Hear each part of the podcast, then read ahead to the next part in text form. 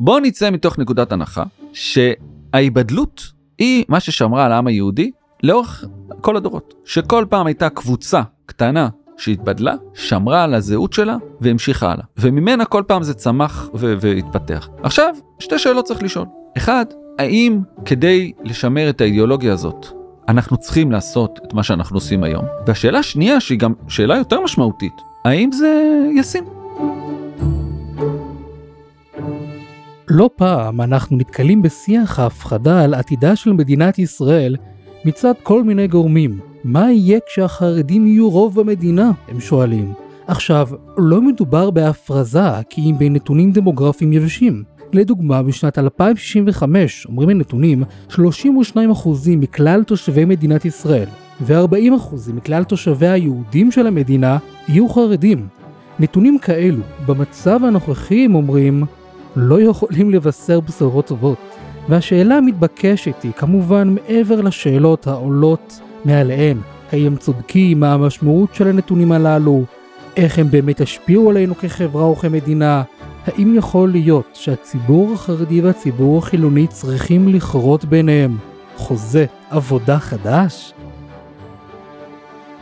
אבל אני חושב שהשאלה המעניינת יותר היא השאלה הפנימית. מה זה אומר כשיבוא היום ונהיה רוב במדינת ישראל? האם זה אומר שנצטרך לשנות את האידיאולוגיה שלנו? לעדכן את החינוך? לנסות לאמץ מודלים כלכליים אחרים? האם כאשר אנחנו, החרדים, נהיה רוב, יש לזה משמעות עבורנו? שלום וברוכים הבאים, אתם מאזינים לצריך דיבור, שיחות על מחשבה תורנית, הגות וחברה, מבית כתב העת צריך עיון. שמי מוישי, ועל מנת לנסות לענות על כל אותן השאלות, אני שמח לארח את איציק רום ביזם ואיש הייטק חרדי העוסק בחקר החברה החרדית, פעיל מרכזי לשילוב חרדים בתעסוקה באמצעות תוכניות הכשרה כגון מיגו, כמו גם פועל לקידום עסקים ומיזמי חדשנות לאוכלוסייה החרדית בישראל, ולפני מספר שבועות הוציא את ספר הביקורים שלו בעל השם המסקרן כשהחרדים יהיו רוב בהוצאת ידיעות ספרים. שלום איציק. שלום שלום, ערב טוב. תודה רבה שבאת לפודקאסט וגם תודה רבה על האירוח. הייתי רוצה ברשותך להתחיל משאלה אסוציאטיבית. כשאני אומר לך את המשפט הבא, איזו תחושה עולה בך? כשהחרדים יהיו רוב. תקווה. כן? כן. למה? כי אני חושב שיש פה הזדמנות. אני חושב שיש פה הזדמנות מאוד מאוד גדולה, דווקא בסיטואציה שאנחנו נמצאים בה. תראה, אנחנו נמצאים עכשיו באיזו תקופה, אה, אני אקח אותך רגע למקום אחר.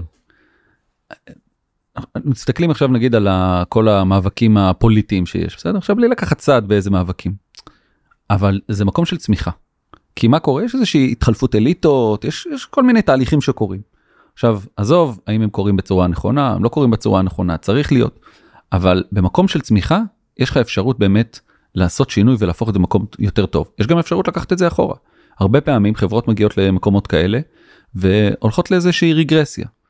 עכשיו, אני מסתכל על החברה החרדית, קח את החברה החרדית אה, של לפני 20 שנה, okay. אוקיי. בוא נגיד, הסוגיות האלה לא העסיקו אותנו, לא העסיקו את החברה הישראלית. סוגיות של תעסוקה, של שילוב, של, של מה רוב. יהיה כשהחרדים יהיו רוב? של מה יהיה, אתה יודע מה, עזוב רגע מה יהיה כשהחרדים יהיו רוב. מה יהיה עם החברה החרדית עצמה? בוא נסתכל רגע פנימה. האם החברה החרדית של אחרי 75 שנות קיום במדינת ישראל צועדת בנתיב הנכון? עכשיו זה קצת שאלה קצת uh, כזה מי אני שיגיד האם החברה החרדית צועדת בנתיב הנכון. אבל כן, שנייה, לפעמים אנחנו צריכים לשאול את עצמנו, כל אחד ואחד באופן אישי, בטח אנשים שעוסקים בסוגיות האלה, האם הדברים שאנחנו עושים, האם הפעולות שאנחנו עושים, אנחנו הולכים בכיוון הנכון? האם אנחנו צריכים, וזה לא אומר שצריך רגע אה, להרוס את הכל ולהחריב את הכל ולבנות הכל מחדש או לא יודע מה, אבל כן, כל מיני דברים שאנחנו מסתכלים עליהם. וזה בא לידי ביטוי בשותפות שלנו עם המדינה, זה בא לידי ביטוי באחוזי התעסוקה, זה בא לידי ביטוי בשירות הצבאי, זה בא לידי ביטוי באקדמיה, זה בא לידי ביטוי בחינוך, זה בא לידי ביטוי ערכים, אה, אני יודע, אה, מה ההתייחסות שלנו לערכים כמו דמוקרטיה או כל מיני ערכים כאלה שאתה יודע, כל עוד שאנחנו קטנים, כל עוד שאנחנו איזה חברה קטנה עם תודעת מיעוט, אנחנו פחות מעסיקים את עצמנו בשאלות האלה. החברה הישראלית פחות עוסקת בשאלות האלה, אבל מה שקורה, בסוף אתה צריך להסתכל, קח רק כדוגמה את, את סיפור הגיוס. סיפור הגיוס במשך 30-40 שנה במדינת ישראל לא היה אישו. עכשיו, כל מי שהסתכל על הנתונים הבין בדיוק לאן זה הולך. והמינימום שהיה אפשר לדעת זה 18 שנה קדימה, כן? תסתכל כמה ילדים בגיל שנה יש היום, בדיוק. זה הולך להיות מחזור של עוד 18 שנה. אז התחילו לעסוק בזה בסוף שנות ה-80, תחילת שנות ה-90, קצת התחילו לדבר, פתאום רגע גיוס חרדים, 20 שנה אחורה כמעט יכלו, יכלו להתחיל רגע להתעסק עם הסוגיה הזאת ולא עסקו בה. ויכול להיות שאם היו עוסקים בה אז, לא היינו מגיעים לפיצוצים שאנחנו מגיעים אליהם היום. לפה או לשם, לא יודע. מפתרונו של צבא מקצועי, מתווה שירות לכולם, או פטור לכולם, או גיוס לכולם, לא משנה איזה סוגיה. אבל מה שקורה היום זה שאנחנו, ככל שאנחנו הולכים וגדלים וגדלים וגדלים, אנחנו מגיעים למצב שאנחנו באיזשהו מבוי סתום, שאף אחד מהצדדים לא יכול פתאום לרדת מהעץ. ו- וזה מצב שהוא מסוכן. אז הייתי רוצה באמת אולי לדייק את זה רגע, כי אתה אומר, אנחנו היום במצב שעוד 40 שנה פחות או יותר אנחנו נהיה רוב. זאת אומרת, הניצנים האלו כבר ראינו לפני 20 שנה פחות או יותר, והיה ראוי שהיינו מתחילים להתעסק בזה אז ולהתחיל מה שנקרא לבחון סוג של uh, שיקוף עצמי, רפלקסיה, כאילו לראות מה באמת קורה איתנו.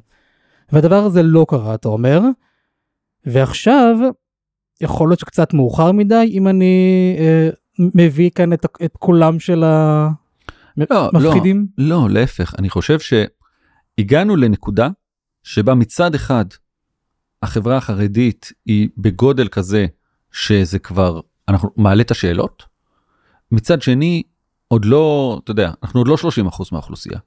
חברה שהיא 30% מהאוכלוסייה, כנראה מה שנקרא לשנות את הטיטניק, זה, זה, זה יותר מדי, עדיף לה להיפגע, לפגוע בקרחון. אתה יודע, אנשים חושבים שהטיטניק, הטעות שהוא עשה, זה שהוא אה, לא ראה את הקרחון. לא, הטעות זה שהיה שהוא התקרב, הוא לא הבין שהוא קרוב מדי, וכבר אי אפשר לשנות. עדיף, אם הוא היה הולך ישר, היה נתקע בקרחון, לא היה קורה לו כלום, הספינה לא הייתה טובעת. הוא ניסה לסובב אותה מאוחר מדי, ואז הוא נדפק על כל הצד, וכל הצד שלה זה, ואז הספינה טבעה. אנחנו, אנחנו רגע לפני המקום שכבר יהיה מאוחר מדי לסובב את הטיטניק. ואם נסובב את הטיטניק עוד עשר שנים, כנראה כבר ניתקע על כל הצד, מה שנקרא, אנחנו עלולים לטבוע. ולכן אני חושב שעכשיו דווקא זה, אנחנו בנקודת זמן, אני חושב קריטית. אוקיי, okay. קודם כל, כן, כי אני עצמי, אני שותף כמובן לצריך עיון, ואנחנו עוסקים בזה המון. השאלה שלי אבל באמת מנקודת המבט שלך, למה אתה חושב שנקודת הזמן הקריטית הזו היא דווקא בתקופה שלנו? תראה, יכול להיות שאם היו עושים דברים לפני 20 שנה ולפני 30 שנה הדברים היו נראים אחרת, לא יודע, אני לפני 30 שנה בערך הייתי, אני יודע, בכיתה, אני יודע, ו', ז', אה, לא יודע, לא אני הייתי שם. אה, גם היום, ברוך השם, אה, יש הרבה אנשים גדולים וטובים מאיתנו שצריכים בעצם להחליט על הזה, אני לא מנסה להחליט על עתיד החברה החרדית או משהו כזה, כן. כל אחד, אני מנסה להתעסק בעולמות שלי, כבר אפשר להרחיב עליהם טיפה. אבל אני חושב שבסופו של דבר, עצם זה שהגענו לנקודה, אתה יודע מה? בוא נדבר רגע על הספר. קח שנה וחצי אחורה שהתחלתי לכתוב את הספר. אוקיי. Okay. ושמתי את השם כשהחרדים יהיו רוב. דיברתי עם האורחים שלי. האורחים של הספר זה דוקטור אריאל פיקר ושי פירון. אוקיי. Okay. ושיתפתי אותם בשם של, היה לי כבר ראשי פרקים וזה, בשם של הספר. והתגובות גם אנשים אחרים ש, ששיתפתי הסתכלו כזה אמרו לי אנשים לא הבינו מה אתה רוצה מהחיים שלהם כאילו מה החרדים יהיו רוב מה, מה, מה זה. הספר יצא סך הכל לפני חודשיים ו, ומשהו. הכמות ה... קודם כל כמות המכירות כאילו זה מטורף כאילו. Uh, באמת זה, זה מתפוצץ אני פוגש אנשים בלי סוף ומקבל תגובות אני מקבל גם את הדוחות של המכירות אני רואה מה, מה, מה קורה. אתה יודע מה אני חושב שאתה גם נראה לי הח, החרדי הראשון אם אפשר לקרוא לזה שכתב אי פעם ספר על במה כל כך רצינית לציבור החרדי, על הציבור החרדי, נדמה לי זאת פעם ראשונה, תקן אותי אם אני טועה. כן, תראה, יש, יש לא מעט ספרים על החברה החרדית, או לא, לא מעט ספרים, יש ספרים, יש, אה, אתה יודע, ספרים שהם יותר כמו אנציקלופדיה של החברה החרדית נכון, כזה. אבל, או... נכתב, אבל נכתבו, נכתבו כולם ממבט... אה, ממבט חיצוני, או, או גם הרבה פעמים ממבט מאוד מאוד ביקורתי, אה, ולא חסכתי ביקורת, בסדר? לא על החרדים, לא על החילונים, לא על החברה הישראלית, דתיים לאומיים, לא משנה כל הצדדים, אני חושב ש... זה לא עניין של ביקורת זה עניין של רגע בסופו של דבר צריך להסתכל איך אנחנו מנהלים את הסיפור הזה איך אנחנו מייצרים פה וזה אחד הנקודות שאני נוגע בספר שיש פה איזשהו אינטרס משותף מאוד מאוד משמעותי של שני הצדדים לייצר פה איזשהו משהו אחר. אנחנו עדיין לא שם. אני גם בספר לא מציע בהכרח פתרונות, לא, זה לא איזה תוכנית מדיניות. זה רגע לנסות שנייה לפתוח את השאלה הזאת, ולכן אני חושב שהאופטימיות שיש לי היום, זה בגלל שאני מסתכל על, ה, על השיח שמתפתח, גם, גם הרבה מאוד סביב הספר, אבל לא רק סביב הספר, בכלל בתקופה הזאת. סביב רגע פתאום אנשים שואלים את עצמם רגע לאן הדבר הזה הולך ומה צריך לעשות אה, אה, כדי לייצר פה איזשהו שיח שזה מש... אה, אה, כזה אה, אה, מילים שעכשיו אני שומע אותם הרבה שיח של אה, הכרעה ולא שיח של הכנעה. זה עכשיו ככה זה עכשיו בשיח. כן, כן, אה, בדיוק. אז אז אז באמת איך, איך אנחנו מייצרים פה איזשהו שיח של הכרעה מנסים להכריע בסוגיות שאנחנו עוסקים בהם כל כך הרבה שנים ולא לא מנסים להכניע אחד את השני. אני חושב שהספר הוא, הוא איזשהו פתיח רגע למקום הזה להגיד בוא ננסה לראות איך אנחנו מייצרים פה הכרעות בסוגיות קשות מורכבות ובשביל הכרעה צריך את שני הצדדים אי אפשר להכריע להכניע מי שחזק מכניע את הצד השני זה קל. זה, זה מה שקורה תסתכל על הפוליטיקה נכון, אנחנו נכון. נשים את זה הוא יוריד כל פעם אה, ממשלה מתחלפת בום טראח מורידים זה, בסדר. לא עובד לשום זה, זה, זה לא לוקח אותנו לשום זה לא עובד בדיוק אנחנו עדיין בתוך הלופ הזה אז לא עשינו שום דבר אם רק נשאר בהכנעות ולכן אתה אומר צריך להגיע לשיח של הכרעות שכל אחד מגיע לכיוון הצד השני וחושב מה אני יכול לתרום ומה ומה אני יכול אולי לוותר. כן אבל אבל, ה- אבל אני לא בטוח שזה כל כך אה, הרבה אנשים חושבים שלהגיע להכרעה זה אומר שכל אחד צריך לוותר וכל אחד צריך אה, אני אבוא חצי לקראתך אתה תבוא חצי לקראתי. זה לא. זה גם. אבל זה זה הדרך הקלה ובדרך כלל גם שלא עובדת כי כל הצדדים יוצאים דפוקים. אני חושב שאפשר למצוא דרכים ש... ששני הצדדים יקבלו את כל מה שהם רוצים ועדיין ידעו לחיות ביחד. הם יצטרכו לוותר על דברים אחרים הם יצטרכו להתפשר או, או ל- ל- ל- לאמץ לעצמם שרירים חדשים שלא קיימים להם אבל זה לא אומר שהם יצטרכו לוותר על הערכים שלהם.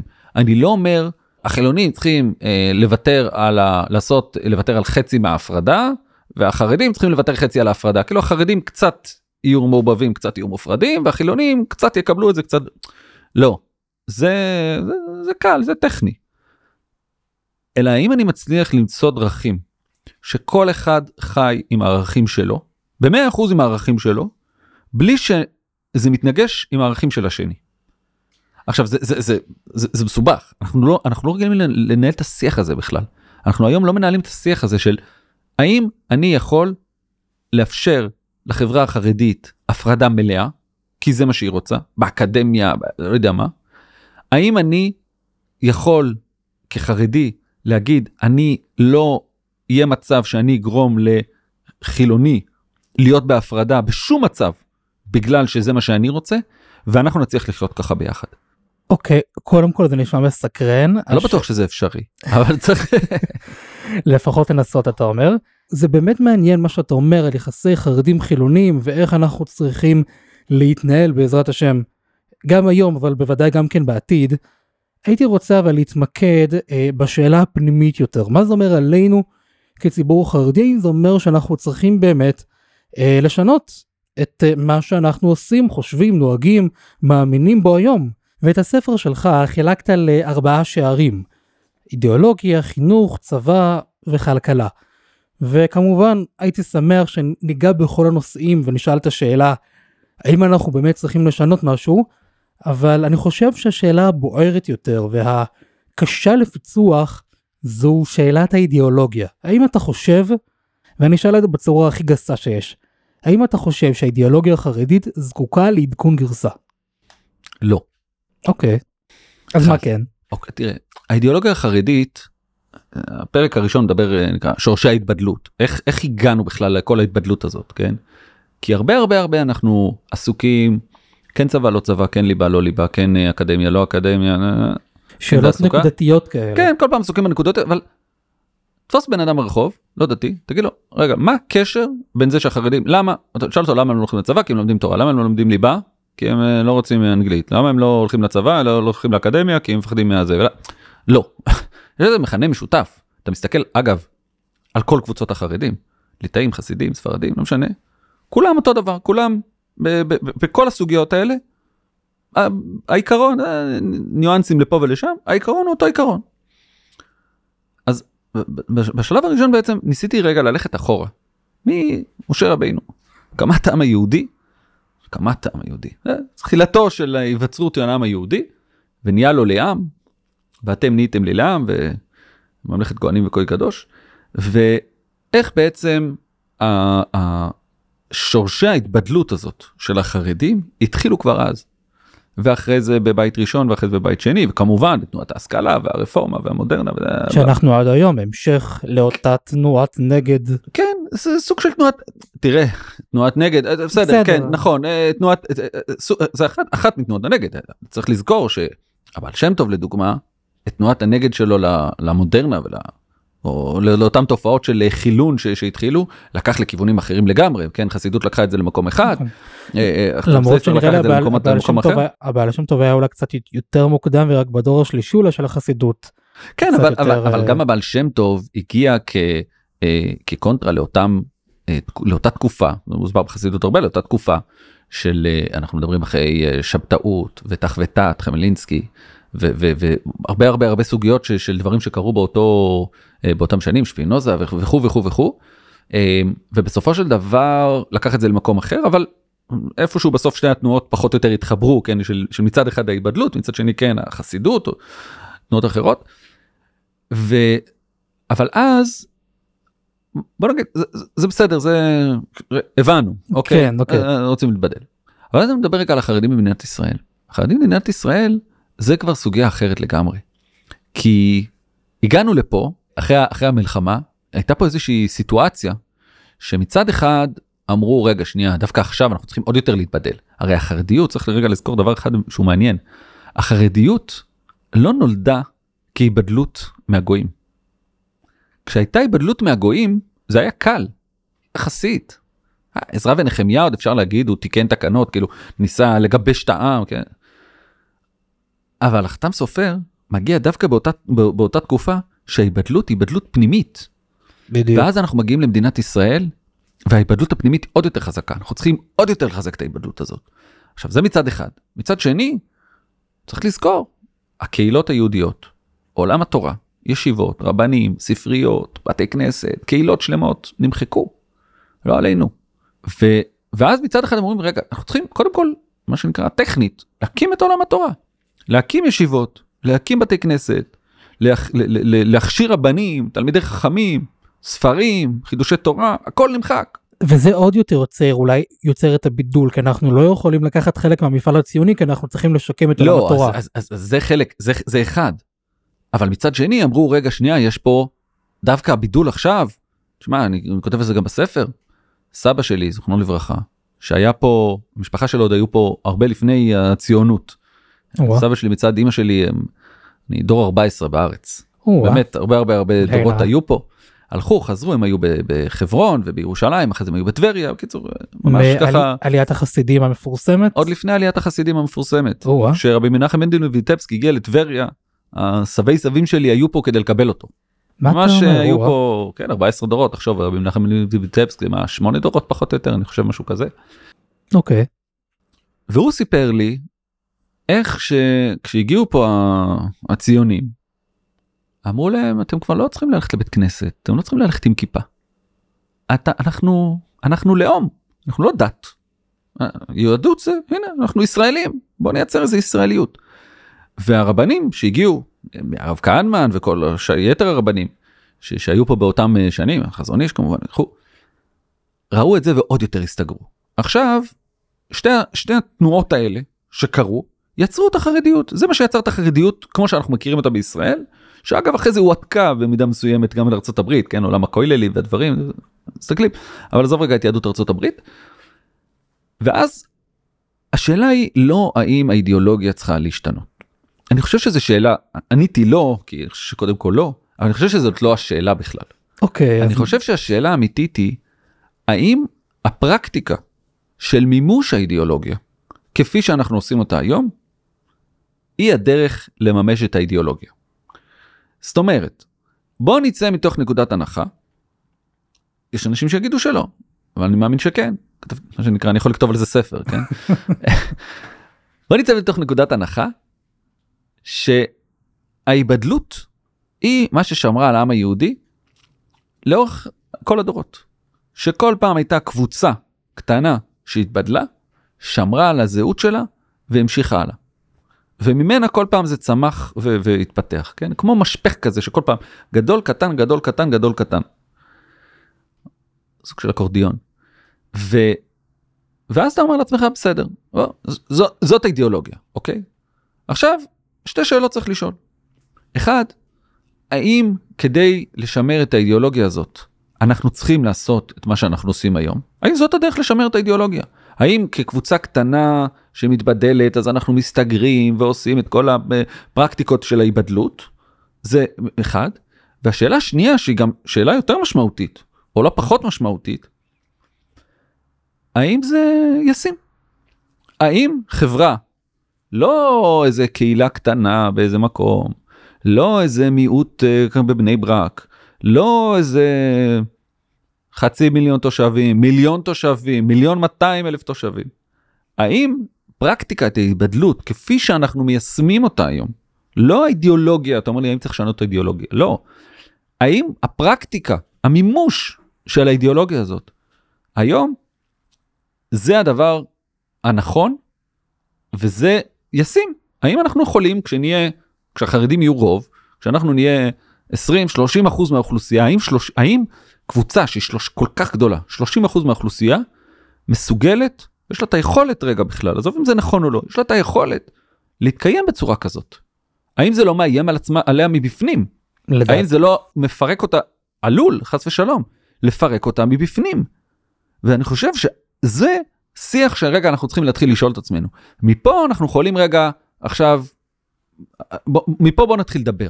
מפה עכשיו, עכשיו בוא נתחיל לדבר. בוא ננסה לענות על שתי השאלות האלה, ובהנחה שאני חושב שהתשובה לשתי השאלות האלה היא לא, זו דעתי. אני חושב שא', לא, לא בהכרח זו הפרקטיקה שאנחנו צריכים כדי לשמור על אידיאולוגיה, לא לשנות את האידיאולוגיה. אני לא רוצה לשנות את האידיאולוגיה. הפרקטיקה של המימוש האידיאולוגיה. כלומר עדיין להיות מובדלים ומופרדים, לשמור על ההתבדלות אבל בפרקטיקה אחרת. נכון. מהי? הפרקטיקה זה מה שנקרא, קפצת עכשיו לפרקים הבאים. Uh, הפרקטיקה של ההיבדלות, אני חושב, תראה, קח את היציאה לעולם העבודה. בסדר? אוקיי. Uh, בוא נדבר על גברים חרדים. בסדר? נצא רגע, נשים עולם אחר, בוא נדבר על גברים חרדים. בסוף האתגר הגדול זה גם אה, בוא נגיד את האמת זה אצל הגברים החרדים נכון, אולי הליטאים נכון, לא אבל, אבל, אבל אני אחזור לנשים, כי אני חושב שאצל הנשים עשו בדיוק את מה שאני אומר. אוקיי. אני חושב שהפרגמטיות שגרמה להבין אה, נכון. שזה לא קיים ועשו בדיוק את מה שאני אומר. מה קורה אצל גברים חרדים? אצל גברים חרדים מה שקורה זה שבסוף גבר חרדי אומר לעצמו, אה, יש לי קונפליקט בין האורח החיים הרוחני שלי לאורח החיים הכלכלי שלי. כי אור כי בואו נתרגם את זה זה אומר אור, אורח החיים הרוחני שלי אומר וגית בו יומם ולילה. לא, לא, לא, עזוב אותי רגע לימוד תורה, שנייה, צא רגע מהזה, שנייה, לא, רגע. אני מנסה תוצ- פשוט להבין את כן. הדיסוננס הזה למה זה פער. אני, אני, אני אסביר למה זה פער לא לא אה, יש את הערך של לימוד תורה הערך של לימוד תורה רגע זה דבר אחד. ערך הכי חשוב שיש אבל רגע לא חושב שהוא לב העניין. אוקיי. מה לב העניין בעיניי? ולב העניין, בעיניי הוא שגבר חרדי אומר לעצמו יש לי אני רוצה לשמור על אורח החיים הרוחני שלי. זה אומר אני רוצה לשמור על אה, חיי הדת שלי על אה, חיי הקהילה שלי כי הקהילה שומרת גם על הדת והדת שומרת על הקהילה אז יש איזושהי אה, כזה שיתוף ביניהם. ואני רוצה לשמור על החינוך של הילדים שלי ואני רוצה לשמור בסדר זה, זה האורח החיים הרוחני שלי. ואני אני גם רוצה אורח חיים כלכלי אני רוצה להרוויח כסף. אבל אני אומר לעצמי אוקיי מה אני צריך בשביל להרוויח כסף אני צריך ללכת לאוניברסיטה עכשיו. האם אלך לאוניברסיטה אני אשמור אצטרך לשמור על האורח חיים שלי? לא. אוקיי אז לא אני לא מוכן לקחת את הסיכון. עכשיו מרווח הטעות הוא מאוד קטן. היסטורית כל פעם כן. אני, אני רוצה ללכת אה, לא יודע אני רוצה ללכת להייטק. אני אלך להייטק אני אהפוך להיות איזה איש הייטק אה, יפגע לי באורח חיים לא. ואז כל פעם בקונפליקט הזה הוא בוחר בצורה מאוד מאוד ברורה לשמור על האורח חיים הרוחני גם במחיר פגיעה באורח חיים הכלכלי. אוקיי. ומה הפתרון? הפתרון הוא פשוט. הוא קשה ליישום הוא קשו, פשוט ב, ב, ברעיון. כן. להגיד אין קונפליקט ביניהם. מה זה אומר אין קונפליקט? אני אספר לך מה זה אומר אין קונפליקט. אני מגיע היום ממפגש יש לנו תוכנית מיגו הזכרת אותה בהתחלה. תוכנית מיגו אנחנו עושים תוכנית הכשרה לגברים חרדים להייטק. תוכנית של אה, קרוב לשנה וכמה חודשים. חמישה ימים בשבוע, שמונה שעות ביום, מיועד לגברים חרדים. קשוח. קשוח, הם מקבלים מלגת קיום לאורך Mm. כל, מימון מלא ללימודים ומלגת קיום, או, אה, יפה. מעטפת שלמה של אה, צוות הדרכה וכל מה שצריך. היום היה מפגש פתיחה של המחזור השני, סך הכל תוכנית הזאת חצי שנה על הכביש, ברוך השם הרבה מאוד אנשים, אנחנו עכשיו בעזרת השם ממש ממש בקרוב נפתח את המחזור השלישי, אנחנו הולכים להרחיב אותו בערך יותר מכפול מכמות האנשים שיש במחזור הזה, או, אה, בעזרת השם. יפה, שיהיה בהצלחה. ואז אה, אתה, אתה מסתובב היום, ב, זה היה יום שלם וזה גם מחר, זה יומיים כזה סמינר, אה, ואתה רואה את האנשים, אתה רואה אברכים, חסידים, ליטאים, ספרדים, לא משנה, כולם, שבחרו ללכת לזה. למה הם בחרו לבוא לתוכנית? כי אנחנו יודעים לייצר להם את אה, פירוק הקונפליקט הזה. כשהוא מגיע ללמוד במיגו, גבר חרדי מגיע ללמוד במיגו, הוא לא צריך לוותר כהוא זה על משהו ועל מישהו. כי הוא רואה שמולו עומדים גברים חרדים, בדיוק כמוהו. כן, כי התוכנית היא בהפרדה והתוכנית היא מותאמת לו והתוכנית יש אינטרנט מסונן ויש לא יודע כל כל כל הפרטים. וזה בתוך הקהילה הוא לא צריך לצאת מהזה יש לנו ממש כיתות בתוך בתוך המקומות. ו, והיה נציג של בלז עכשיו ש, שדיבר אוקיי. שסיפר שהוא היה אצל הבלז עירוב אצל אדמו"ר מבלז. וזה לא, לא בפעם הראשונה סיפר לו על התוכנית ועדכן אותו מהפרטים הוא אמר לו צריך שעוד אברכים ילכו. יהיה, למה? יפה. כי הוא רואה, הוא שומע מאברכים, מדבר עם אברכים, בודק, אומר להם, זה, זה, זה, זה מה שנקרא על טהרת הקודש? אומרים לו כן. אוקיי, אז אין קונפליקט. אתה יכול ללכת להייטק, ואתה יכול להיות אברך. אתה רואה את האברכים מגיעים עם כל הלבושים, הכל, לא מנסים, הם לא, הם לא מרגישים שהם צריכים לשנות שום דבר. הם לא מרגישים מאוימים, אם אני הם לא מרגישים. מאוימים, הם לא מרגישים שמישהו מנסה, כמו, לא יודע, יש אקדמיה במקומות מסוימים שמנסה לשנות אותם, להכניס להם ערכים, ליברליים, דמוקרטיה, לא יודע, עזוב אותי, לא נכנס למקום, לא נכ- נכון או לא נכון, עזוב אותי מה אני חושב, זה לא, זה לא האישיו בכלל. כל אחד ש, ש, שיעשה מה שנכון. התכנסנו אחת, פה, אחת, אחת הביקורות, אחת אוקיי. הביקורות אה, אה, על הספר בתלם של אה, קרן Mm. אה, ברל כצנלסון. אחת ה, אחד הדברים, כתב שם אה, ביקורת שלמה, שקיצור שאני מפספס בזה, שאני חושב שאם נשלב את החרדים בתעסוקה, אה, הבעיות ייפתרו, רובם. כי מה זה יעזור שהם יעבדו בתעסוקה? גם אם החלום שלי כאילו יתגשם שכל החרדים יעבדו ולא משנה הייטק ברפואה בתעשייה מסורתית לא משנה במה יהיה אבל אם לא יארצו את הערכים הליברליים אז לא עשינו כלום. זאת הבעיה זאת הבעיה אני לא אז הנה יצא המרצע מן השק, נכון. מה שנקרא. נכון יצא מרצע מן השק אני לא רוצה לשנות להם לא, לא ענייני לא קשור עכשיו נכון. האם זה שכל החרדים בוא עכשיו יבוא שנקרא פתאום יבוא איזה מיני משיח רגע עזוב משיח יבוא יקבץ נדחי ישראל אבל בוא, יבוא איזה. מיני משיח כל החרדים יעבדו יפרנסו ירכשו מקצוע הכל יהיה בסדר מהבחינה הזאת נפסיק לריב לא האם יפסיקו פה חיכוכים יפסיקו קונפליקטים בין חרדים לחילונים דתיים לזה בין ימין לשמאל. לא זה, זה, זה בסדר. אני לא מנסה לפתור את זה האם הערכים אחד רוצה יותר מדינה יהודית אחד רוצה מדינה דמוקרטית אחד רוצה זה בסדר ימשיכו הכל בסדר. אבל זה לא לא לא, לא זאת הסוגיה אבל יהיה פה איזושהי תשתית מערכתית שאנחנו נוכל לעבוד איתה שיהיה לנו איך להתנהל בתוך הדבר הזה. אני חושב שזה לב הסיפור של מה שאנחנו אה, מפספסים פה ולכן כשאתה שואל אותי לדוגמה על, על, על סיפור האם יש דרך לממש את האידיאולוגיה החרדית בלי לשנות אותה.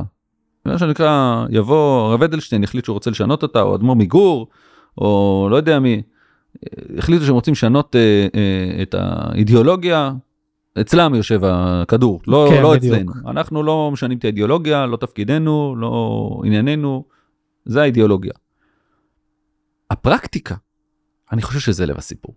ואם אני ואני חושב שאם לא נשנה את הפרקטיקה ואם לא נעשה צעדים משני הצדדים זה דורש פה זה כבר סיפור מורכב. איך אתה מאפשר את, ה, את השילוב הזה זה אה, זה יכול להיות אסון. זהו, אז אם אני מבין אותך נכון, אתה אומר קודם כל אנחנו צריכים שכמה שיותר גברים חרדים יצאו לשוק העבודה, כי זה טוב לנו משתי סיבות. סיבה ראשונה קודם כל להניע את הכלכלה הישראלית. קודם כל כשהחרדים יהיו רוב הם לא יכולים להתייחס לעצמם כאל מיעוט, ושמדינת ישראל תממן, תממן אותנו אין דבר כזה. קבוצה שמונה 30 אחוז או 40 אחוז לא יכולה להתייחס לעצמה כאל מיעוט ולבקש שמישהו אחר יממן אותה, היא חייבת לממן את עצמה, להחזיק את עצמה, וגם, כמו שאמרת גם בהתחלה, עניין של אחריות. אחריות כלפי המדינה, חייבים להתחיל להיות שותפים לדבר הזה שנקרא מדינת ישראל. אה, שגם על זה אפשר כמובן לדבר, על כל מה שאמרתי אפשר לדבר על זה, כן. נכון, לא נכון, אבל זה אם אני משקף נכון. ודבר שני, אתה אומר גם לרווחת הפרט החרדי או לרווחת הקהילה החרדית, שאנשים פשוט, שאנשים פשוט יצאו מהעוני. עכשיו, הבאנו את זה כדוגמה ל... לכך שהאידיאולוגיה נשארת אותה אידיאולוגיה של התבדלות, אבל עדיין הפרקטיקה משתנה. אז עכשיו השאלה שלי, האם הפרקטיקה אני בסך הכל מתבטאת בזה שאנחנו אומרים להם, אנחנו לא מביאים אתכם לאקדמיה, כמו, כמו שהוא בתלם אמר לך, כדי שתהיו יותר ליברליים ודמוקרטיים, אלא אנחנו נותנים לכם בסך הכל הכשרה מקצועית בלבד. וככה לא מאיימים על אורח חייכם, תהיו חרדים, תלכו עם חולצות לבנות ותאכלו קיגיל מתי שאתם רוצים. בסך הכל, תצאו לעבודה, זה הכל. זה, זה אף פעם לא סך הכל בסדר זה זאת אומרת זה כן, תמיד ברור. זה תמיד נלווה אבל אתה יודע, הרבה שואלים אה, על ההבדל בין אה, ישראל בין אה, חרדים בישראל חרדים בארצות הברית או במקומות אחרים. קח את השפה השפה יוצרת מציאות.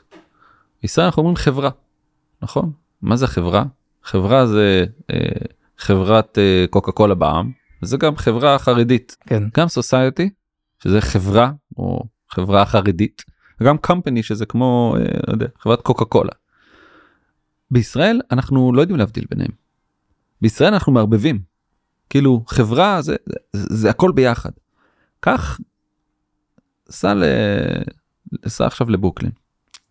תרד לסאבווי בבוקר. סאבווי יוצא באטלנטיק, עולים חרדים, ממשיך לזה, עולים אפו אמריקאים וסינים ומקסיקנים ולא יודע מה. הם מגיעים לוול סטריט וכולם יורדים ועולים ביחד למשרד והם יושבים ועובדים ביחד. והם קונים מניות ומוכרים מניות ויהלומים ולא יודע מה שלא יהיה. הוא לא מזמין אותו לבר מצווה שלו. הוא לא אכפת לו שההוא עם שטריימל וההוא עם אה, תרבוש אה, זה.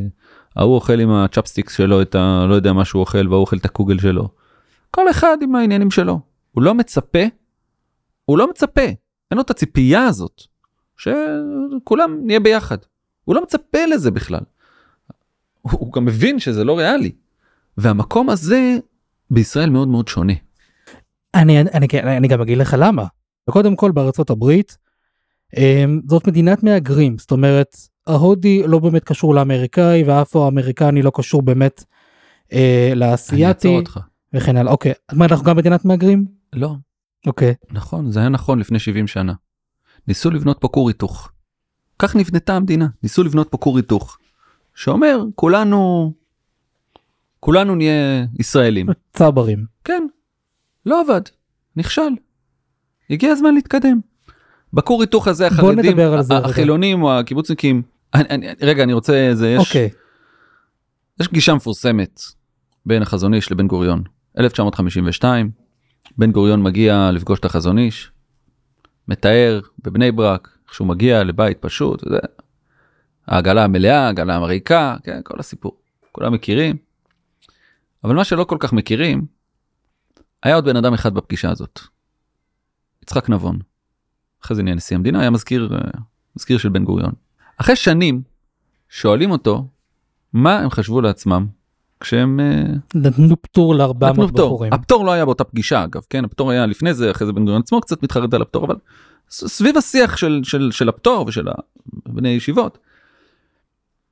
שואל, מה בן גוריון חשב לעצמו כשנתן את הפטור. והוא אומר דבר מעניין. הוא אומר לעצמו, הוא אומר כל אחד מהצדדים היה בטוח שעוד מעט השני לא יהיה. החזון איש אמר לעצמו "די, הגענו הקמנו מדינה לא התחלת דגאולה כמו שאמרו כמו שהרב אמר הרב קוק אבל מקימים פה קדושה ארץ ישראל נקים פה ישיבות כולם הצטרפו. בא חזון איש אמר בא בן גוריון אמר לעצמו אנחנו התחלנו פה עכשיו את הזה עוד רגע כולנו נצטרף כולם יצטרפו לחגיגה כולם פה יהפכו להיות קיבוצניקים. כן. אלה עכשיו- שרידים מאירופה לא יחזיקו מעמד. כן קצת ניתן להם קצת מה שנקרא לשחק בתוך הזה יקימו קצת ישיבות 300 שמורת טבע בחורים כזאת. בדיוק כמה בחורים פה כמה בחורים שם אבל הרוב איפשהו אה, התחברו לתוך הסיפור הזה. לא עבד. לא עבד. לא קרה. ובתוך הדבר הזה שלא קרה, אז אנחנו צריכים להבין, זה היה הכור היתוך, כל אחד חשב את הכור היתוך מהצד שלו, או כל אחד חשב, אתה יודע, אני... זה, זה גם קצת שיח של הכרעה, ולא של, של, נכון. של נכון. הכנעה, שלא, ולא של הכרעה. של הכנעה, בדיוק. והיום אנחנו צריכים להבין, היום הפרקטיקה הזאת, עוד פעם, אני מדבר על הפרקטיקה, לא האידיאולוגיה, של הכור היתוך הזה, שבשונה ממה שקורה בארצות הברית, שמבינים כל אחד, מה שנקרא, חיה ותן לחיות. פה כולנו מבינים שכולם צריכים לחשוב אותו דבר, וכולם... וואלה, לא עובד. הדבר הזה לוקח אותנו לאבדון. אתה לא חושב אבל שאנחנו יכולים לגייס את הציבור החרדי להרגיש חלק ממדינת ישראל, לקחת אחריות ולהתרגש מההמנון? סליחה שאני הולך ישר לשם, אבל למה? כי א' אני חושב שזה... למה לנו? למ- קודם כל אתה כבר רואה את זה עיין ערך בבחירות האחרונות, הרבה יותר ימנים, מצביעים בן גביר וכן הלאה. לא, לא, לא, לא, לא, לא. רגע, אתה אומר מספרים, אתמול בדיוק כשהסתכלתי, היה לי איזה שיחה, שלחתי למישהו בארצות הברית, שלחתי לו את הנתונים. כמה אחוז הצבעה לבן גביר, לציונות הדתית, סמוטריץ' ושות', היה בביתר עילית, עיר חרדית פרופר, בבחירות לכנסת ה-24? כמה? 10 אחוז. אוקיי, כמה היה בבחירות לכנסת ה-25? 12, 13, 20, לא יודע כמה. כן, אני, אני התערבתי עם אנשים, כאילו שמתי את הזה, אמרתי להם 20 אחוז יהיה. 6 אחוזים.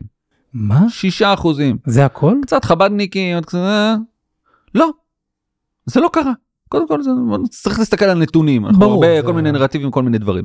אבל תראה, החרדים ככל שהם הולכים להיות, ככל שהם יותר ישראלים, הם יותר לאומניים, הם יותר ימניים, אנשים בכלל שמרנים הם יותר ימניים, זה בדרך כלל מתחבר, בסדר. אנחנו רואים את זה פתאום שהחרדים הולכים הרבה יותר ימינה, וזה סוג, סוג, סוגיה אחרת. האם אנחנו רוצים לייצר, האם אנחנו רוצים, אה, שנייה, אני, אני חושב שזה חשוב כי, כי, כי אני חושב, בטוח שיש מאזינים שישמעו את מה שאמרתי וזה.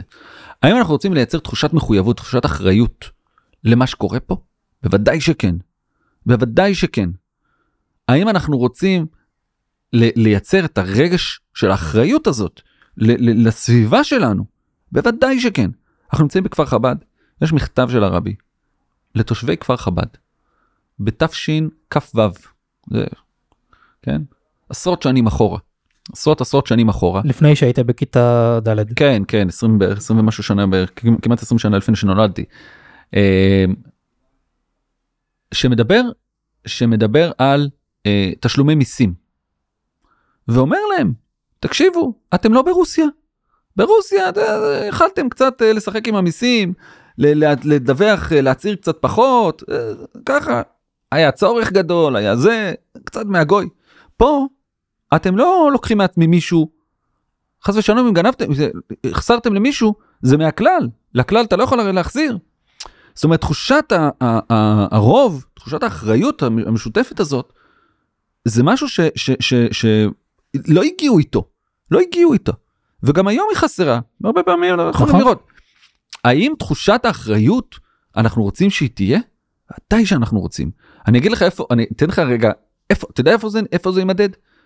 איפה? חס ושלום, כשיש פיגוע ונהרגים חיילים, או שוטרים, או, או לא רק, בוא היום, כן. ש- שלא נדע, בדיוק היום ביום ההקלטה אנחנו, היה פיגוע נוראי, שבו נהרגו שני, שני בני הדודים האלו. אז האמת שלא עקבתי, אבל בכל זאת, תנסה להסתכל מה זה עושה לנו כשיש לא עלינו, נגיד חייל יהודי שנהרג, או חייל דרוזי שנהרג. עכשיו, לרוב חלקי האוכלוסייה בישראל, כשנהרג חייל שלנו, הוא חייל שלנו, הוא חייל שהגן עלינו, חייל של צבא הגנה לישראל, שוטר, משטרת ישראל. כואב, נכון? אתה מסתכל על החרדים, וואלה, אה, לא תמיד בדיוק אותו דבר בוא נשים את היד על הלב. לפעמים אתה ח- יהודי, שלנו, בסדר? אה, שומעים נכון? בסדר, קצת, לא נעים להגיד, אבל לפעמים זאת הסיטואציה, רגע, לא לא תטה את הדברים מתחת לשולחן. ואז אתה מסתכל על הסיטואציה הזאת, ו- וזה, זה מפריע. זה תופעה מסוכנת. זו תופעה נוראית שהיא מסוכנת. לא שרים בהמנון? למה אה, החבר'ה בוויליאמסבורג, בפלטבוש, ב- ב- בבורו פארק, בקראון הייטס, ב- ב- לא יודע מה, במאנסי, שרים בהמנון? לא. הם מרגישים אה, זה, מרגישים אזרחים שווי זכויות ושווי חובות, מחויבים. אחד יותר אחד פחות כמו כל, כמו כל אוכלוסייה אז זאת הסיטואציה. אני מבין מה שאתה אומר, פשוט השאלה אם אנחנו לא יכולים לגייס את הציבור החרדי, כשירגישו את רגש האחריות דרך הגיוס או דרך צירופם לאתוס הציוני. לא. לא. אוקיי. לא. לא חושב שזה, א', אני לא חושב שזה פרקטי, ישים, שפרקטית זה ישים. כי אולי זה וב' גם... אני לא חושב שזה, אני, לא, חושב- אני חושב שעוד פעם אנחנו מנסים לערבב פה מלא מלא מלא מלא דברים ביחד, וקצת רגע כמו ההוא מ... מ... כן, אולד הומינר מתלם. כאילו, אה, הם רק יעבדו אבל הם לא, אין להם ערכים ליברליים אז כאילו לא עשינו כלום. הם רק יעבדו אבל אין להם ערכים של ציונות, אני לא יודע מה זה ציונות. אנחנו פה, במדינת ישראל, בארץ ישראל, קדושה, על כל המשתמע מזה וכל והכל. אני חושב שאנחנו צריכים לנסות לשאוף בכל דרך שאזרחים, כל אזרח במדינת ישראל, יהודי או ערבי, חרדי או חילוני, ימני או שמאלני או לא יודע מה, ירגישו אה, אה, אחריות ושייכות ל, ל, ל, ל, לדבר הזה ש, שבו אנחנו נמצאים, להביא לבנונגל המטורפת הזאת שבה אנחנו חיים. כי אחרת אנחנו לא נצליח. ולכידות חברתית, לכידות חברתית זה דבר. אבל אני רוצה שיהיה אינטרס משותף להצליח. אני לא רוצה שיהיה אינטרס אחד. יש הבדל בין להגיד כולנו ציונים זה האינטרס שלנו כולנו אותו דבר. זה לא עובד. זה לא עובד. אינטרס אחד כולנו אנחנו ציונים כולנו באותו אינטרס זה מה שהיה פעם זה כור היתוך. לא. אני רוצה להגיד יש לנו אינטרס משותף. שותף זה בשביל שותפות צריך לפחות שניים כן. אני רוצה שאני אגיד יש לנו אינטרס משותף האינטרס המשותף הזה אומר שלמרות שאני לא ציוני ואתה כן ציוני למרות שאני כן אה, זה בהמנון ואתה לא בהמנון לא משנה מה. לשנינו יש אינטרס להצמיח את המקום הזה לשמור על המקום הזה לפתח את המקום הזה ו- ויש לנו אחריות כן ממיסים ועד אה, אה, אה, מצב ביטחוני ועד, ועד, ועד כל אחד מהדברים האלה זה המקום שאנחנו צריכים לשאוף אליו. לא להגיד כולנו פה ביחד אה, זה זה קצת זה קצת אנחנו מנסים יודע, יש הבדל בין שילוב לסימביוזה. נכון. מה, מה, מה זה אה, שילוב, אה, או מה ההבדל בין שילוב לסימביוזה, הדוגמה הכי טובה שאני אוהב אה, להשתמש בה, אתה לוקח לבן ושחור. אתה יכול לעשות מהם שני דברים. אתה יכול לייצר סימביוזה, אתה לוקח את השחור ולבן, אתה מערבב אותם, מה יוצא? אפור. אפור. אתה יכול לקחת ולעשות זברה. שחור. לבן, שחור לבן, שחור לבן, שחור לבן, שחור לבן, הם חיים ביחד. הם חיים ביחד. אבל כל אחד נשאר עם הצבע שלו. בסדר? זה קצת, אתה יודע, אנחנו נדבר על אוכל. זה קצת כמו, מה, מה המאכל הישראלי היחיד שיש? סלט. בסלט, בשונה ממרק, יש מלפפון ויש עגבנייה, יש מלפפון ועגבנייה, הם חיים ביחד עם אותו רוטב. שונה ממרק, שאני לוקח את כל הירקות, מערבב את כולם, יוצא לי איזה טעם אחד, נכון? כאילו, קצת... הפרזתי כי אני רעב, אז אני פתאום חושב על אוכל. עבר לי בראש כן. אבל אבל אני חושב אני חושב שזה זה, זה המקומות שאנחנו צריכים לחשוב עליהם זאת אומרת כל פעם שאנחנו הולכים לשיח הזה של להגיד טוב אז כולנו נהיה ציונים אז כולנו נהיה לא יודע מה אה, ליברליים אז כולנו לא לא כולנו נאמין בדמוקרטיה שזה הדבר הכי חשוב לא אני לא צריך להאמין שדמוקרטיה זה הכי חשוב אני צריך להאמין שזה שיטת השלטון שבחרנו בה ושאנחנו מאמינים שכדי לקיים פה חברה אין אנחנו לא נצליח לקיים פה וזה לא וזה עזוב לא נצליח זאת השיטה שבחרנו. עדיין רובם כולה ככולם בחרו שתהיה פה דמוקרטיה. זה השיטה תשמרו עליה לא כזה עכשיו זה נכון. הדבר הכי קדוש לא זה אותו דבר מהצד השני. גישה מדינה, שיותר... מד- מדינה יהודית. אתה יודע, אה, זה כן הדבר הכי חשוב זה לא לא הדבר הכי חשוב זה מה שבחרנו פה יהודית ודמוקרטית נכון. בוא נסכים לזה ובוא נתנהל בתוך הדבר הזה. אני לא אנסה לגרום לך לחשוב שהיהודית זה הדבר הכי חשוב. אתה אל תגרום לי לחשוב שהדמוקרטית זה הדבר הכי חשוב. שאגב, אגב, אוקיי. לא זה, מגילת העצמאות לא מוזכרת במילה דמוקרטיה, כן? אני יודע, זה- יהדות, מדינה יהודית. נכון נכון. עם, עם שוויון ולכולם, שזה זה, זה בעצם אומר דמוקרטיה, רק לא במילה הזאת. כן בדיוק. בסדר, אבל, אבל, אבל, בסופו של דבר, לא כי אני אומר דמוקרטיה זה לא חשוב, הרי בלי דמוקרטיה אנחנו נתפרק פה ביום. אם לא תהיה פה דמוקרטיה, אנחנו תוך יום מתפרקים פה, אין מדינה, אפשר ללכת לסגור את הבסטה, ל- ל- לצאת נכון. לזה.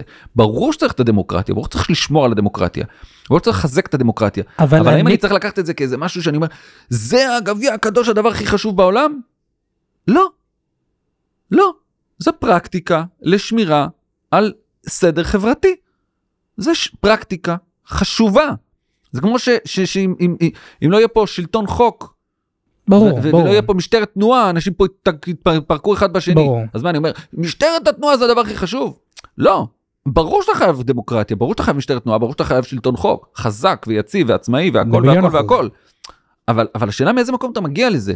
מעניין של אידיאולוגיה או מעניין של פרקטיקה אם אני מתרגם את זה. אפשר להגיד את זה בין עניין של אידיאולוג למ- לעניין של פרקטיקה, אבל... אני אבל- אגיד לך מה, כי אני רוצה, רגע, אתה- רוצה אולי לא, להשלים אני, משהו? אני, אני חושב שזה לא, זה, זה לא בדיוק השאלה האם זה מעניין של אידיאולוגיה או מעניין של פרקטיקה. זה עניין שאני אומר, לא אכפת לי מאיפה אתה מגיע לזה. זה לא אכפת לי מאיפה אתה מגיע לזה, לא אכפת לי מאיפה חרדים, אני לא אכפת לי אם החרדים לוקחים את זה כעניין של אידיאולוגיה או פרקטיקה. לא אכפת לי, זה לא ענייני. זה לא ענייני, זה לא עניין של אף אחד. יש רק עניין אחד. לוקחים את זה, מאמצים את זה, סטו. עכשיו אנחנו יכולים לחיות פה ביחד. עכשיו נצליח לחיות פה ביחד. אתה חושב שזה קדוש, אתה חושב שזה... אני לא יודע. אנשים חושבים ש... אה, לא יודע, התחלת את הגאולה, המקום פה הכי קדוש, אחד אומר לא, לא יודע, זה בסדר, לא אכפת לי. אה, יש, יש, אה, אתה יודע, אנשים שהולכים לצבא, ציוני, ציונות דתית, מצווה, נכון? יש אנשים שהולכים לצבא, ציונים אה, אה, סתם, שאומרים לך, כאילו ציונים לא דתיים, לא סתם, חס ושלום, שאומרים, אני הולך, כי, כי צריך צבא חזק, כי צריך לא להגן על המדינה הזאת לא, איכשהו. זה אידיאולוגיה. לא, מצווה, תשמור, זה, אנחנו עושים איזה, מקדשים את ה... לא, לא, לא, לא מקדש כלום. אם לא, אם לא יהיה צבא, אנחנו נמות. צריך צבא. עכשיו, מה נכון. אכפת לי מאיפה הוא הגיע? אתה חושב שזה ככה, אתה חושב שזה ככה? אה, בסדר, ת, תעשו מה שאתה רוצה. אני לא נכנס, אני לא לקישקע של אנשים, מאיזה אידיאולוגיה הם מגיעים לדבר הזה. אכפת לי, שילכו לצבא, ישמרו, זהו. זהו, אני אגיד לך מה שאתה אומר, כי זה מביא אותי לשני כיוונים, או כיוון של אה, סוג של באמת מה שקורה באמריקה, סוג של הפרדת דת ומדינה. כל אחד יחשוב מה שהוא רוצה, בסוף הפרקטיקה היא של כולנו, כולנו בסוג של ועד בית כזה משותף, זה לוקח אותי למקום אחד כזה. אפשרות שנייה זה לוקח אותי למקום שנקרא רב תרבותיות, שאתה גם מזכיר אותו בספר. שאני כן הייתי רוצה לומר, יש איזשהו, אולי במיוחד כמי ששייך במובנים כאלה ואחרים לקרן תקווה, יש איזשהו אישו עם העניין הזה של רב תרבותיות, כי אז אנחנו קצת מרוקנים, לפחות כלפי פנים, אני אומר, תראה, אני בחרתי תרבות כזו של להיות חרדי, כלומר אה, צ'ונט, קיגל, חולצה לבנה, אני מתפלל וכן הלאה, ואתה בחרת תרבות כזאת וזה בסדר. וזה קצת מאבד את המשמעות הפנימית של לא, אני חרדי ויש לי אמת פנימית שאני מאמין בה, זה לא סתם איזו בחירה תרבותית שאתה בתרבות שלך ואני בתרבות שלי, לא. יש כאן אמת. אמרתי לילדים שלי לפני כמה זמן שהשקר הכי גדול זה השיר שאומר שהאמת זה שאין אמת אחת או שניים. מסכים איתך במיליון אחוז. למה? כי יש אמת אחת. כי יש אמת אחת. אמת היא אחת. שחור לבן. אין פה יותר מדי. דוד המלך עליו השלום. הוא כותב על אה, זה אחיתופל. רבי אלופי ומיודעי. נכון? כל uh, מלמד בחיידר אומר לילדים. מי שלימד אותו שני דברים קורא לו רבי אלופי ומיודעי. טעות. טעות. הוא לא לימד אותו, הרבה אנשים לימדו אותו שני דברים. הוא לימד אותו שיש רק שני דברים. יש אמת ויש שקר. אין יפה. פה משחקים. בתוך הסיפור הזה של אמת ושקר, זה שזה האמת שלי, זה לא אומר שאני צריך רגע, זה, נכון, זה האמת שלי, ועדיין 70 פנים לתורה, ותבחר בד- באמת שלך. זה מה שנקרא בחירה חופשית, ככה הקדוש ברוך הוא ברא את העולם. אני לא נכנס, זה, אה, תראה, אוקיי. אנחנו, אנחנו הולכים פה, אני חושב שאנחנו הולכים פה בדיוק למקום ש... אה, לא בדיוק, אבל קצ, קצת רגע לכיוון המקום של מה שניסיתי בספר לקחת למקום אחר. ל- ל- ללכת בדיוק לשיח האחר. אוקיי. ללכת לשיח הזה שאומר אה, איך אנחנו מייצרים פה איזה אוטופיה ואיך אנחנו עושים פה איזה שהם אה, לא יודע מה או, או, או לחלופין כמו שהקראתי באותה תגובה שקיבלתי על הספר את הביקורת משנים את האידיאולוגיות לא משנים את האידיאולוגיות אה, כן אה, הופכים את כולם לציונים לא הופכים את כולם לציונים כאילו שזה זה אתה יודע מעבדה כזה שאתה יכול אה, ללחוץ על כפתור אה, כמו הכפתורים שיש לך פה בזה של המיקרופונים אתה לוחץ ירוק יהיו כולם אה, דמוקרטיה כחול כן. יהיו כולם ציונים ירוק ילכו לעבודה זה, זה, לא. וזה גם לא ענייננו לא חושב שזה עניין כל אחד בפרט שיעשה מה שהוא רוצה. אתה אומר כאילו עזבו אותי מאידיאול... מאידיאולוגיות. לא על זה באתי לדבר. לא אני בן אדם מלא באידיאולוגיות. אתה כן, אבל וגם כחברה. כל אחד יש לו זה בדיוק העניין כל אחד יש לו את האידיאולוגיה אבל אם אני אנסה שכולם יהיו באידיאולוגיה שלי את זה אני אומר עזבו. אתה יש לך את האידיאולוגיה שלך ברוך השם. בוא נחשוב איך אנחנו מייצרים אינטרס משותף שגם האידיאולוגיה שלך שונה מהאידיאולוגיה שלי, אנחנו מצליחים ביחד לבנות פה משהו. נתתי את הדוגמה של הצבא, היא דוגמה מצוינת. אני לא, אני יש לי את האידיאולוגיה שלי ללכת לצבא בגלל שזה קדושת הארץ וזה מצווה. מהמם. אתה יש לך אידיאולוגיה בגלל שזה ציונות. ההוא יש לי אידיאולוגיה בגלל שהוא חושב שזה מה שישמור עלינו פה כי אין ברירה. או, או זה, זה לא כל כך אידיאולוגיה, לא משנה כאילו. כן, זה המצב. זה לא באמת כל כך אמור להיות חשוב לי מאיזה אידיאולוגיה עומדת מאחוריך ומה אה, זה. בסוף אנחנו צריכים להסכים על דבר אחד. אנחנו צריכים להסכים שיש פה אינטרס משותף. קח את הצבא, כן, עזוב רגע את החרדים בצבא, כן, החרדים זה סיפור אחר. אבל רוב חלקי האוכלוסייה בישראל מבינים שיש אינטרס משותף של שני הצדדים, של כל הצדדים, ללכת לצבא כדי לשמור, כי אחרת אנחנו, מה שנקרא, הולכים אה, לים, זורקים אותנו לים. זהו. לא מנסה לייצר איזה אידיאולוגיה אחת, כולם נאמין באותו דבר. ורק נלך. לא, העיקר, כולם תלכו לצבא, אתה תלך בגלל זה, אתה תלך בגלל זה, אתה תלך בגלל זה. מה כן? צריך להיות אה, אה, אה, עקרונות שמוסכמים על כולם, עקרונות שמוסכמים על כולם, בכל אחד מהדברים האלה. והעקרונות הם עקרונות פשוטים, אבל אנחנו לא צריכים להגיע אליהם. קח את הצבא, עיקרון, שלפעמים הוא מופר בשוליים. כן, אז שמחה, כן. עיקרון שיש צבא, יש לו מפקד, מקבלים פקודות, מבצעים פקודות. זה עיקרון, שבלעדיו אתה לא יכול לקיים פשוט צבא, בסדר? כך, אה, אה, אה, אה, לא יודע, בסדר, בהרבה מאוד דברים אתה יכול להסתכל על זה, ובדברים מסוימים אנחנו פשוט לא מצליחים למצוא את המכנה המשותף הזה שייצר את, את הדבק. זאת הבעיה. הבנתי אותך. תראה בגדול השיחה הזאת באמת מעניינת ורציתי עוד שנדבר על חינוך ועל צבא ועל כלכלה אבל אה, השעה כבר מאוחרת וצריך לומר גם אה, אנחנו גם לא רוצים להלאות יותר מדי את המאזינים אבל זה אה, פרק המשך. תשמע, אני מבחינתי בכיף אבל כן יש אני חושב הזכרנו את זה בהתחלה ונראה לי זה כן חשוב הייטק הייטק ומשם אנחנו נסגור. למה דווקא הייטק? קודם כל, אני לא חושב שדווקא הייטק, ממש לא חושב שדווקא הייטק. אוקיי. אני חושב ש...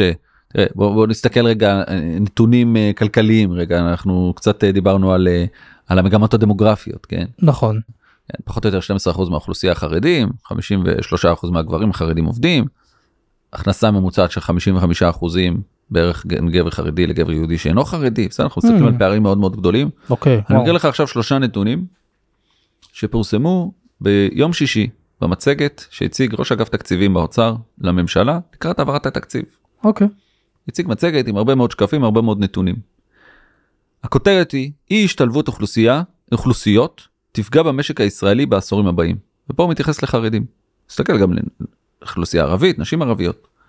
הוא מראה שבשנת 2065 אם אנחנו ממשיכים במגמות שיש היום למשק יהיו חסרות כחצי מיליון ידיים עובדות. או-אה. הפסד התוצר צפוי לעמוד על כ-13% בשנה וואו. וכדי לשמור על רמת השירותים תידרש העלאת מיסים ישירים בגובה של כ-16 אחוזים. זה וואו. כואב. מאוד כואב כן יופי. וואו. עכשיו כדי דיברנו בהתחלה על, על הפירוק הקונפליקט הזה כן בין שמירה על נכון. אורח חיים הרוחני לשמירה על נכון. אורח חיים החרדי. איך עושים את זה? אמרתי גם נתתי דוגמה יש עוד הרבה דוגמאות כאלה נתתי דוגמה אחת של תוכנית שאני מוביל אותה ויחד עם הרבה שותפים ומאוד מאוד מאוחף בה ורגשית והכל אה, ובאמת מאמין ש, ש, ש, שזה זה יוביל. כדי לעשות את ה... פירקת את הקונפליקט לא מספיק פירקת אותו בתוך המוח שלך. אתה צריך להראות לאנשים שזה באמת עובד. ולא רק. אתה צריך להראות לאנשים שזה עובד, אתה צריך להראות לה- להרבה אנשים שזה עובד. כי אם איזה ינקל אחד באיזה קהילה הצליח ללכת לפרק את הקונפליקט הלך להיות לא יודע מה עורך דין רופא כלכלן מהנדס ווטאבר. מרוויח ועדיין נשאר כמו שהוא בלי לשנות את משהו ואת מישהו. בסדר אז הוא גימיק. אחד הצליח הוא הצליח אבל רובם לא הצליחו.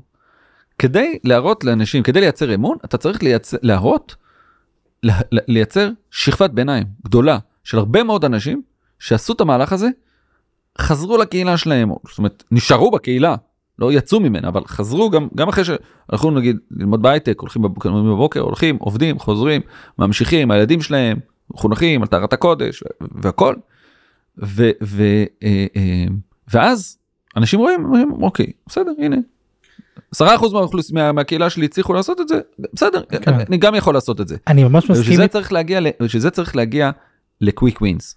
ו quick wins אפשר לייצר בהייטק זה המקום הראשון הכי קל שאפשר לייצר quick wins. כי אתה יכול יחסית בהכשרה קצרה, יחסית, שנה וחצי זה לא כזה קצר אבל יחסית, להגיע לתוצאה, לפריון גבוה.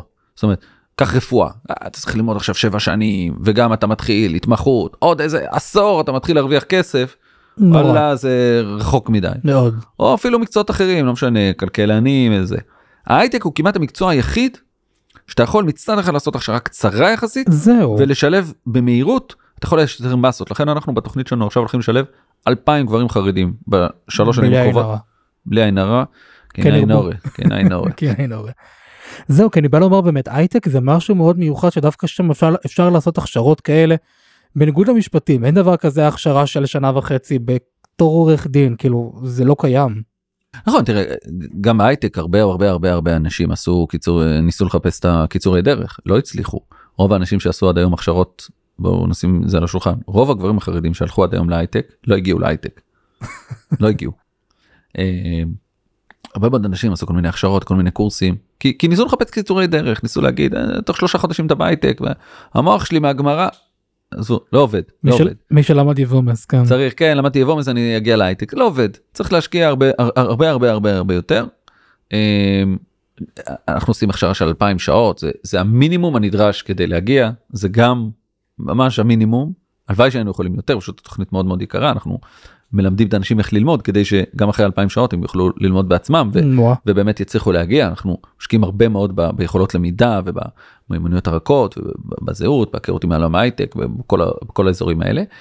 אמ, אבל גם להם שקצת דיברנו על זה בשיחה לפני זה אמ, הם- צפו להם אתגר לא קל לא קל בכלל כי אותם גברים חרדים ששמים את התוכנית והולכים לעבוד הם מגיעים לעולם ההייטק ובעצם ניצבת ביניהם בפניהם דילמה יש להם כמה אפשרויות אפשרות ראשונה הם אומרים לעצמם אני אה, חרדי אני לא מוסיף על עצמי את הזהות ההייטקיסטית הישראלית.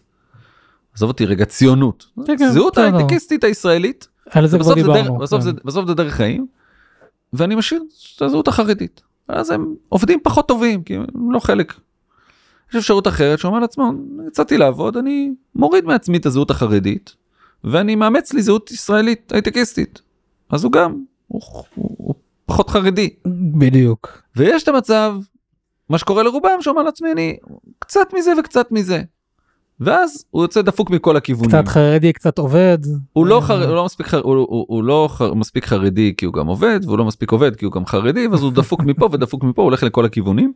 זה אתגר יש על זה מחקר של דוקטור שלמה בלק שמראה ששביעות החרדי שמוסיף לעצמו על הזהות החרדית אם הוא לא מוריד מעצמו את הזהות החרדית אבל הוא מוסיף לעצמו על הזהות החרדית זהות אה, ישראלית בעולם העבודה שביעות הרצון שלו מהחיים יורדת. שביעות הרצון שלו מהחיים יורדת. הוא פשוט הוא, הוא, הוא זה זה מה שנקרא נמדד מחקרית. באוניברסיטה העברית מה אתה אומר? שפשוט הוא פשוט הוא, הוא, הוא דפוק מכל הכיוונים כאילו הוא כביכול הוא לא- מבולבל. הוא מבולבל נכון כי הוא לא מספיק פה והוא לא מספיק שם והוא לא מצליח לזה. ו, ואיך עושים את זה זה פודקאסט בפני עצמו. אה, אני חושב שאני חושב שאני לפני כמה שבועות נתתי איזושהי הרצאה אצלנו לחלק מה... אה, ניסיתי שם ניסיתי שם ל, ל, להביא דווקא מתוך ה- מתוך האדמו"ר זקן בתניא אוקיי. שמדבר על אה, אה, מה זה צדיק ומה זה רשע. כן. האדמו"ר זקן מתחיל את התניא בשאלה הוא אומר משביעים אותו אל תהיה רשע. אותו צדיק ואל תהיה רשע ואחרי זה אומרים אה, ואם אפילו קודם כל אומרים לך צדיק אה, אה, צדיק אתה יראה בעיניך כרשע ואת נא נבות פרק ב' ואל תהיה רשע בפני עצמך אז הוא אומר רגע אתה צדיק או שאתה רשע מה זה יש פה שאלה. ואז הוא אומר צריך להבין הוא ממשיך את זה. וג- זה, זה לא סתם איזה שאלה בפשט של, ה, של הגמרא בוא תוספות הביא איזה תירוץ יש פה שאלה אמיתית.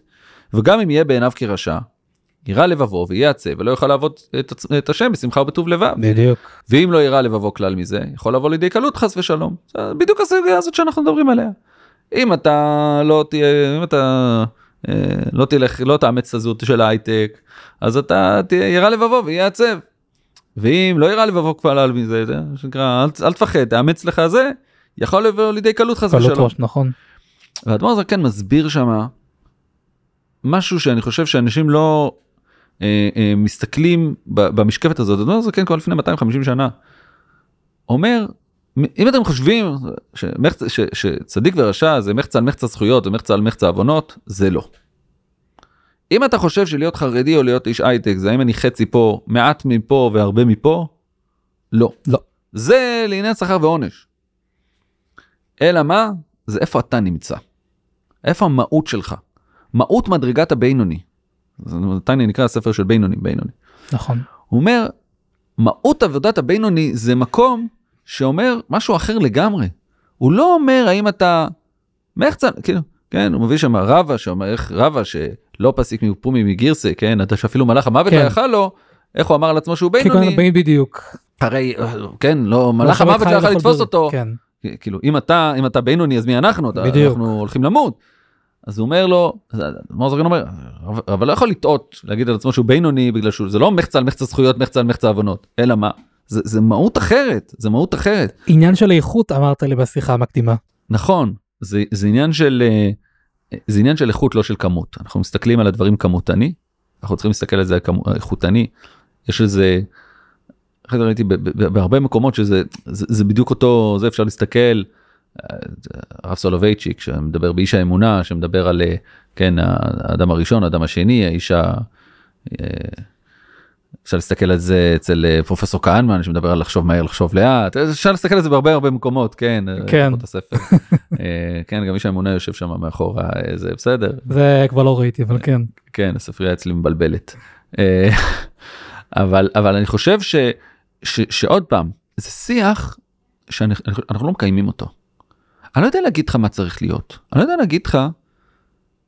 אני לא יכול להגיד לך מה עובד לי בסדר חב"דניק זה תמיד יותר קל מהבחינה הזאת אני חושב שזה חלק מהמהות חלק מהמהות של חב"דניק שאתה מבין אתה, אתה לומד בזה חטא המרגלים מה היה חטא המרגלים חטא המרגלים היה שהם לא רצו להיכנס לארץ כי הם אה, לא הבינו שהתפקיד זה לא להיות ב... עם ענני כבוד כבוד והכל בסדר. בסדר. נכון. ללכת לחרוש לזרוע להילחם זה, זה, זה, זה המהות. בסדר זה אולי משהו חלק מהתפיסות אבל בסדר אנשים אחרים יש להם תפיסות אחרות אני לא לא, לא, לא חושב שכולם צריכים להיות חב"דניקים כמו שאני לא חושב שכולם צריכים להיות אה, ציונים זה לא לא לא לא, לא הנקודה. מה כן הנקודה? אני חושב שהנקודה היא קודם כל שנייה, בוא נבין את הסיטואציה. אני אמרתי לחבר'ה אצלנו שעכשיו הולכים שסיימו איזה תוכנית הכשרה אחרת לא במיגו. אמרתי להם תקשיבו זה, זאת הסיטואציה. let's face it זה הסיטואציה אתם הולכים או שאתם הולכים להוריד את הזהות החרדית או את הזהות החילונית או להיות דפוקים או זה כאילו. עכשיו לכו לרב שלכם תשאלו אותו מה לעשות אני לא, לא אומר לכם. אבל תנסו רגע שנייה לשאול את עצמכם איך אתם מצליחים להסתכל על הסיטואציה הזאת בזווית אחרת. כי השאלה האם יש האם אלה האופציות? ודאי שלא אלה האופציות. ודאי שהוא לא צריך, לא, בזווית, לא, הוא לא צריך להוריד מעצמו חס ושלום את הזהות החרדית, הוא לא צריך להוריד מעצמו חס ושלום את הזהות, כאילו, לא חס ושלום, הוא לא צריך להוריד מעצמו את הזהות של הייטק, ובסוף להיות עובד דפוק ולהרוויח פחות, כי אם הוא עובד תרוויח טוב, ובטח שהוא לא צריך לפגוע בשביעות רצון שלו מהחיים. אבל זה לא האופציות היחידות, יש עוד אופציות. יש עוד אופציות, אנחנו רואים הרבה אנשים שחיים אחרת, חיים טוב. אז הרגילו אותנו לחשוב איזה דפוסי מחשבה שמכניסים אותנו לתוך התבנית הזאת. ולא בטוח שזה התבניות היחידות שקיימות. אז תהיו בינונים. תהיו בינונים, כן. הלוואי שנהיה בינונים, אני יודע. זה... זאת שאיפת חיים. יפה מאוד. ואיפה באמת לדעתך כל זה הולך? או אני אשאל את זה ככה, אז מה באמת יהיה כאן כשהחרדים יהיו רוב?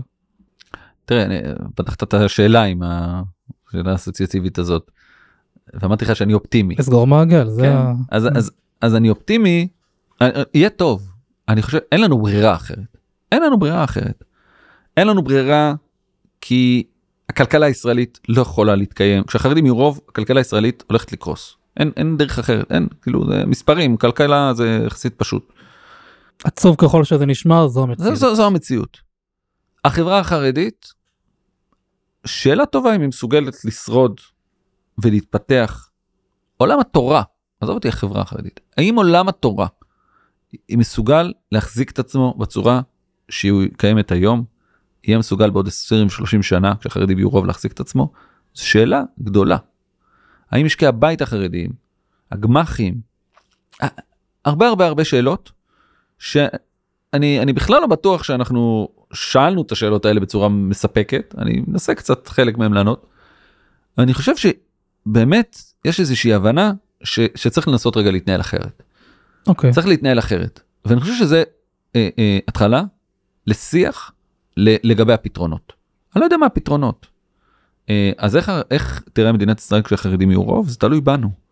ואני סומך על, אה, על, ה, על ההון האנושי פה. אה, שכמו שפתר בעיות הרבה הרבה הרבה יותר מורכבות וכמו שהתאושש ממשברים הרבה הרבה הרבה יותר מורכבים. מההתנתקות ואוסלו ועד אה, לא יודע מה. אה, בסופו של דבר אנחנו אנחנו נצליח לפתור את זה. ועצם השיח הזה כמו, כמו הפודקאסט הזה צריך עיון כמו הרבה הרבה דברים שקורים לאחרונה שמנסים שנייה פתאום רגע לשאול את עצמנו את השאלות האלה לשאול את השאלות. עכשיו ברור חלק מהאנשים יהיה להם כאילו, תשובות שונות לשאלות האלה ודרכים שונות. זה בסדר גם חרדים לא, זה מקשה אחת אה, כולם בדיוק, אה. ילכו לאותו כיוון. אה, אבל אני אופטימי ואני אבל בעיקר אני חושב שהסיפור הגדול יבוא מעולם התעסוקה. אני לגמרי חושב שאם נפתור את סוגיית התעסוקה. אגב אני חוזר קצת רגע על מה שאמרתי בהתחלה לגבי נשים אצל נשים זה נפתר לא מאיזה אידיאולוגיה לא שינו את האידיאולוגיות לא כלום. מפתרון פרגמטי גברים לומדים כדי שאנשים יפרנסו במקום שיהיו מורות אין מקום להיות מורות. בוא נלמד את המייטק לא נשנה להם את האידיאולוגיה לא נשנה להם את הזה לא נספוך אותם לציונים לא ליברליות לא כלום. נכון. בוא ניתן להם פרקטיקה. וזה עבד זה עבד יופי. המה"ט זה נקרא כן, לא אם אני לא טועה. נכון עבד, עבד יופי, ממשיך לעבוד. אז אין סיבה שזה לא יעבוד גם אצל הגברים. זה יעבוד. אין לי ספק. בעזרת השם. כן, בעזרת השם, אני מאמין שזה יעבוד. בעזרת השם הוא גם בעזרתנו, אם אני מדבר פה על אחריות אישית, גם זה גם חלק מה... אגב, אני חושב, אם יורשה לי לסיים, גם כל הכבוד לך גם שאתה לוקח אחריות, ואתה עושה גם את כל היוזמות האלה, גם מגו ולא רק, וגם קראתי את הספר ונראה לי תשמע, באמת מדהים, כל הכבוד. קצת שאני שליח. גדל במשפחה של אה, שלוחים אצלנו פה כולם פה מסביבו שלוחים או אבא של שליח או אח של שליח או בן של שליח או זה. אה, אז אה, בסוף זה זה השליחת שלי אני יודע. יפה מאוד שהשליחות גם תמשיך להצליח בעזרת השם. בעזרת השם תודה. תודה רבה לך, תודה רבה לאיציק רומבי, לשיחה המעניינת והמרתקת, תודה רבה כמובן גם לרב ישוע פפר, לרב מיכאל נחטיילר, לאליהו לוי וליוסי גרין על כל הליווי, העזרה והכוונה, ואחרונים חביבים תודה רבה לכם המאזינים. נשמח כמובן לשמוע מה חשבתם, אתם מוזמנים להמשיך להאזין לנו, כמו גם לפרקים הקודמים בפלטפורמת הפודקאסטים האהובה עליכם. אני הייתי מוישי וניפגש בעזרת השם בפרקים הבאים.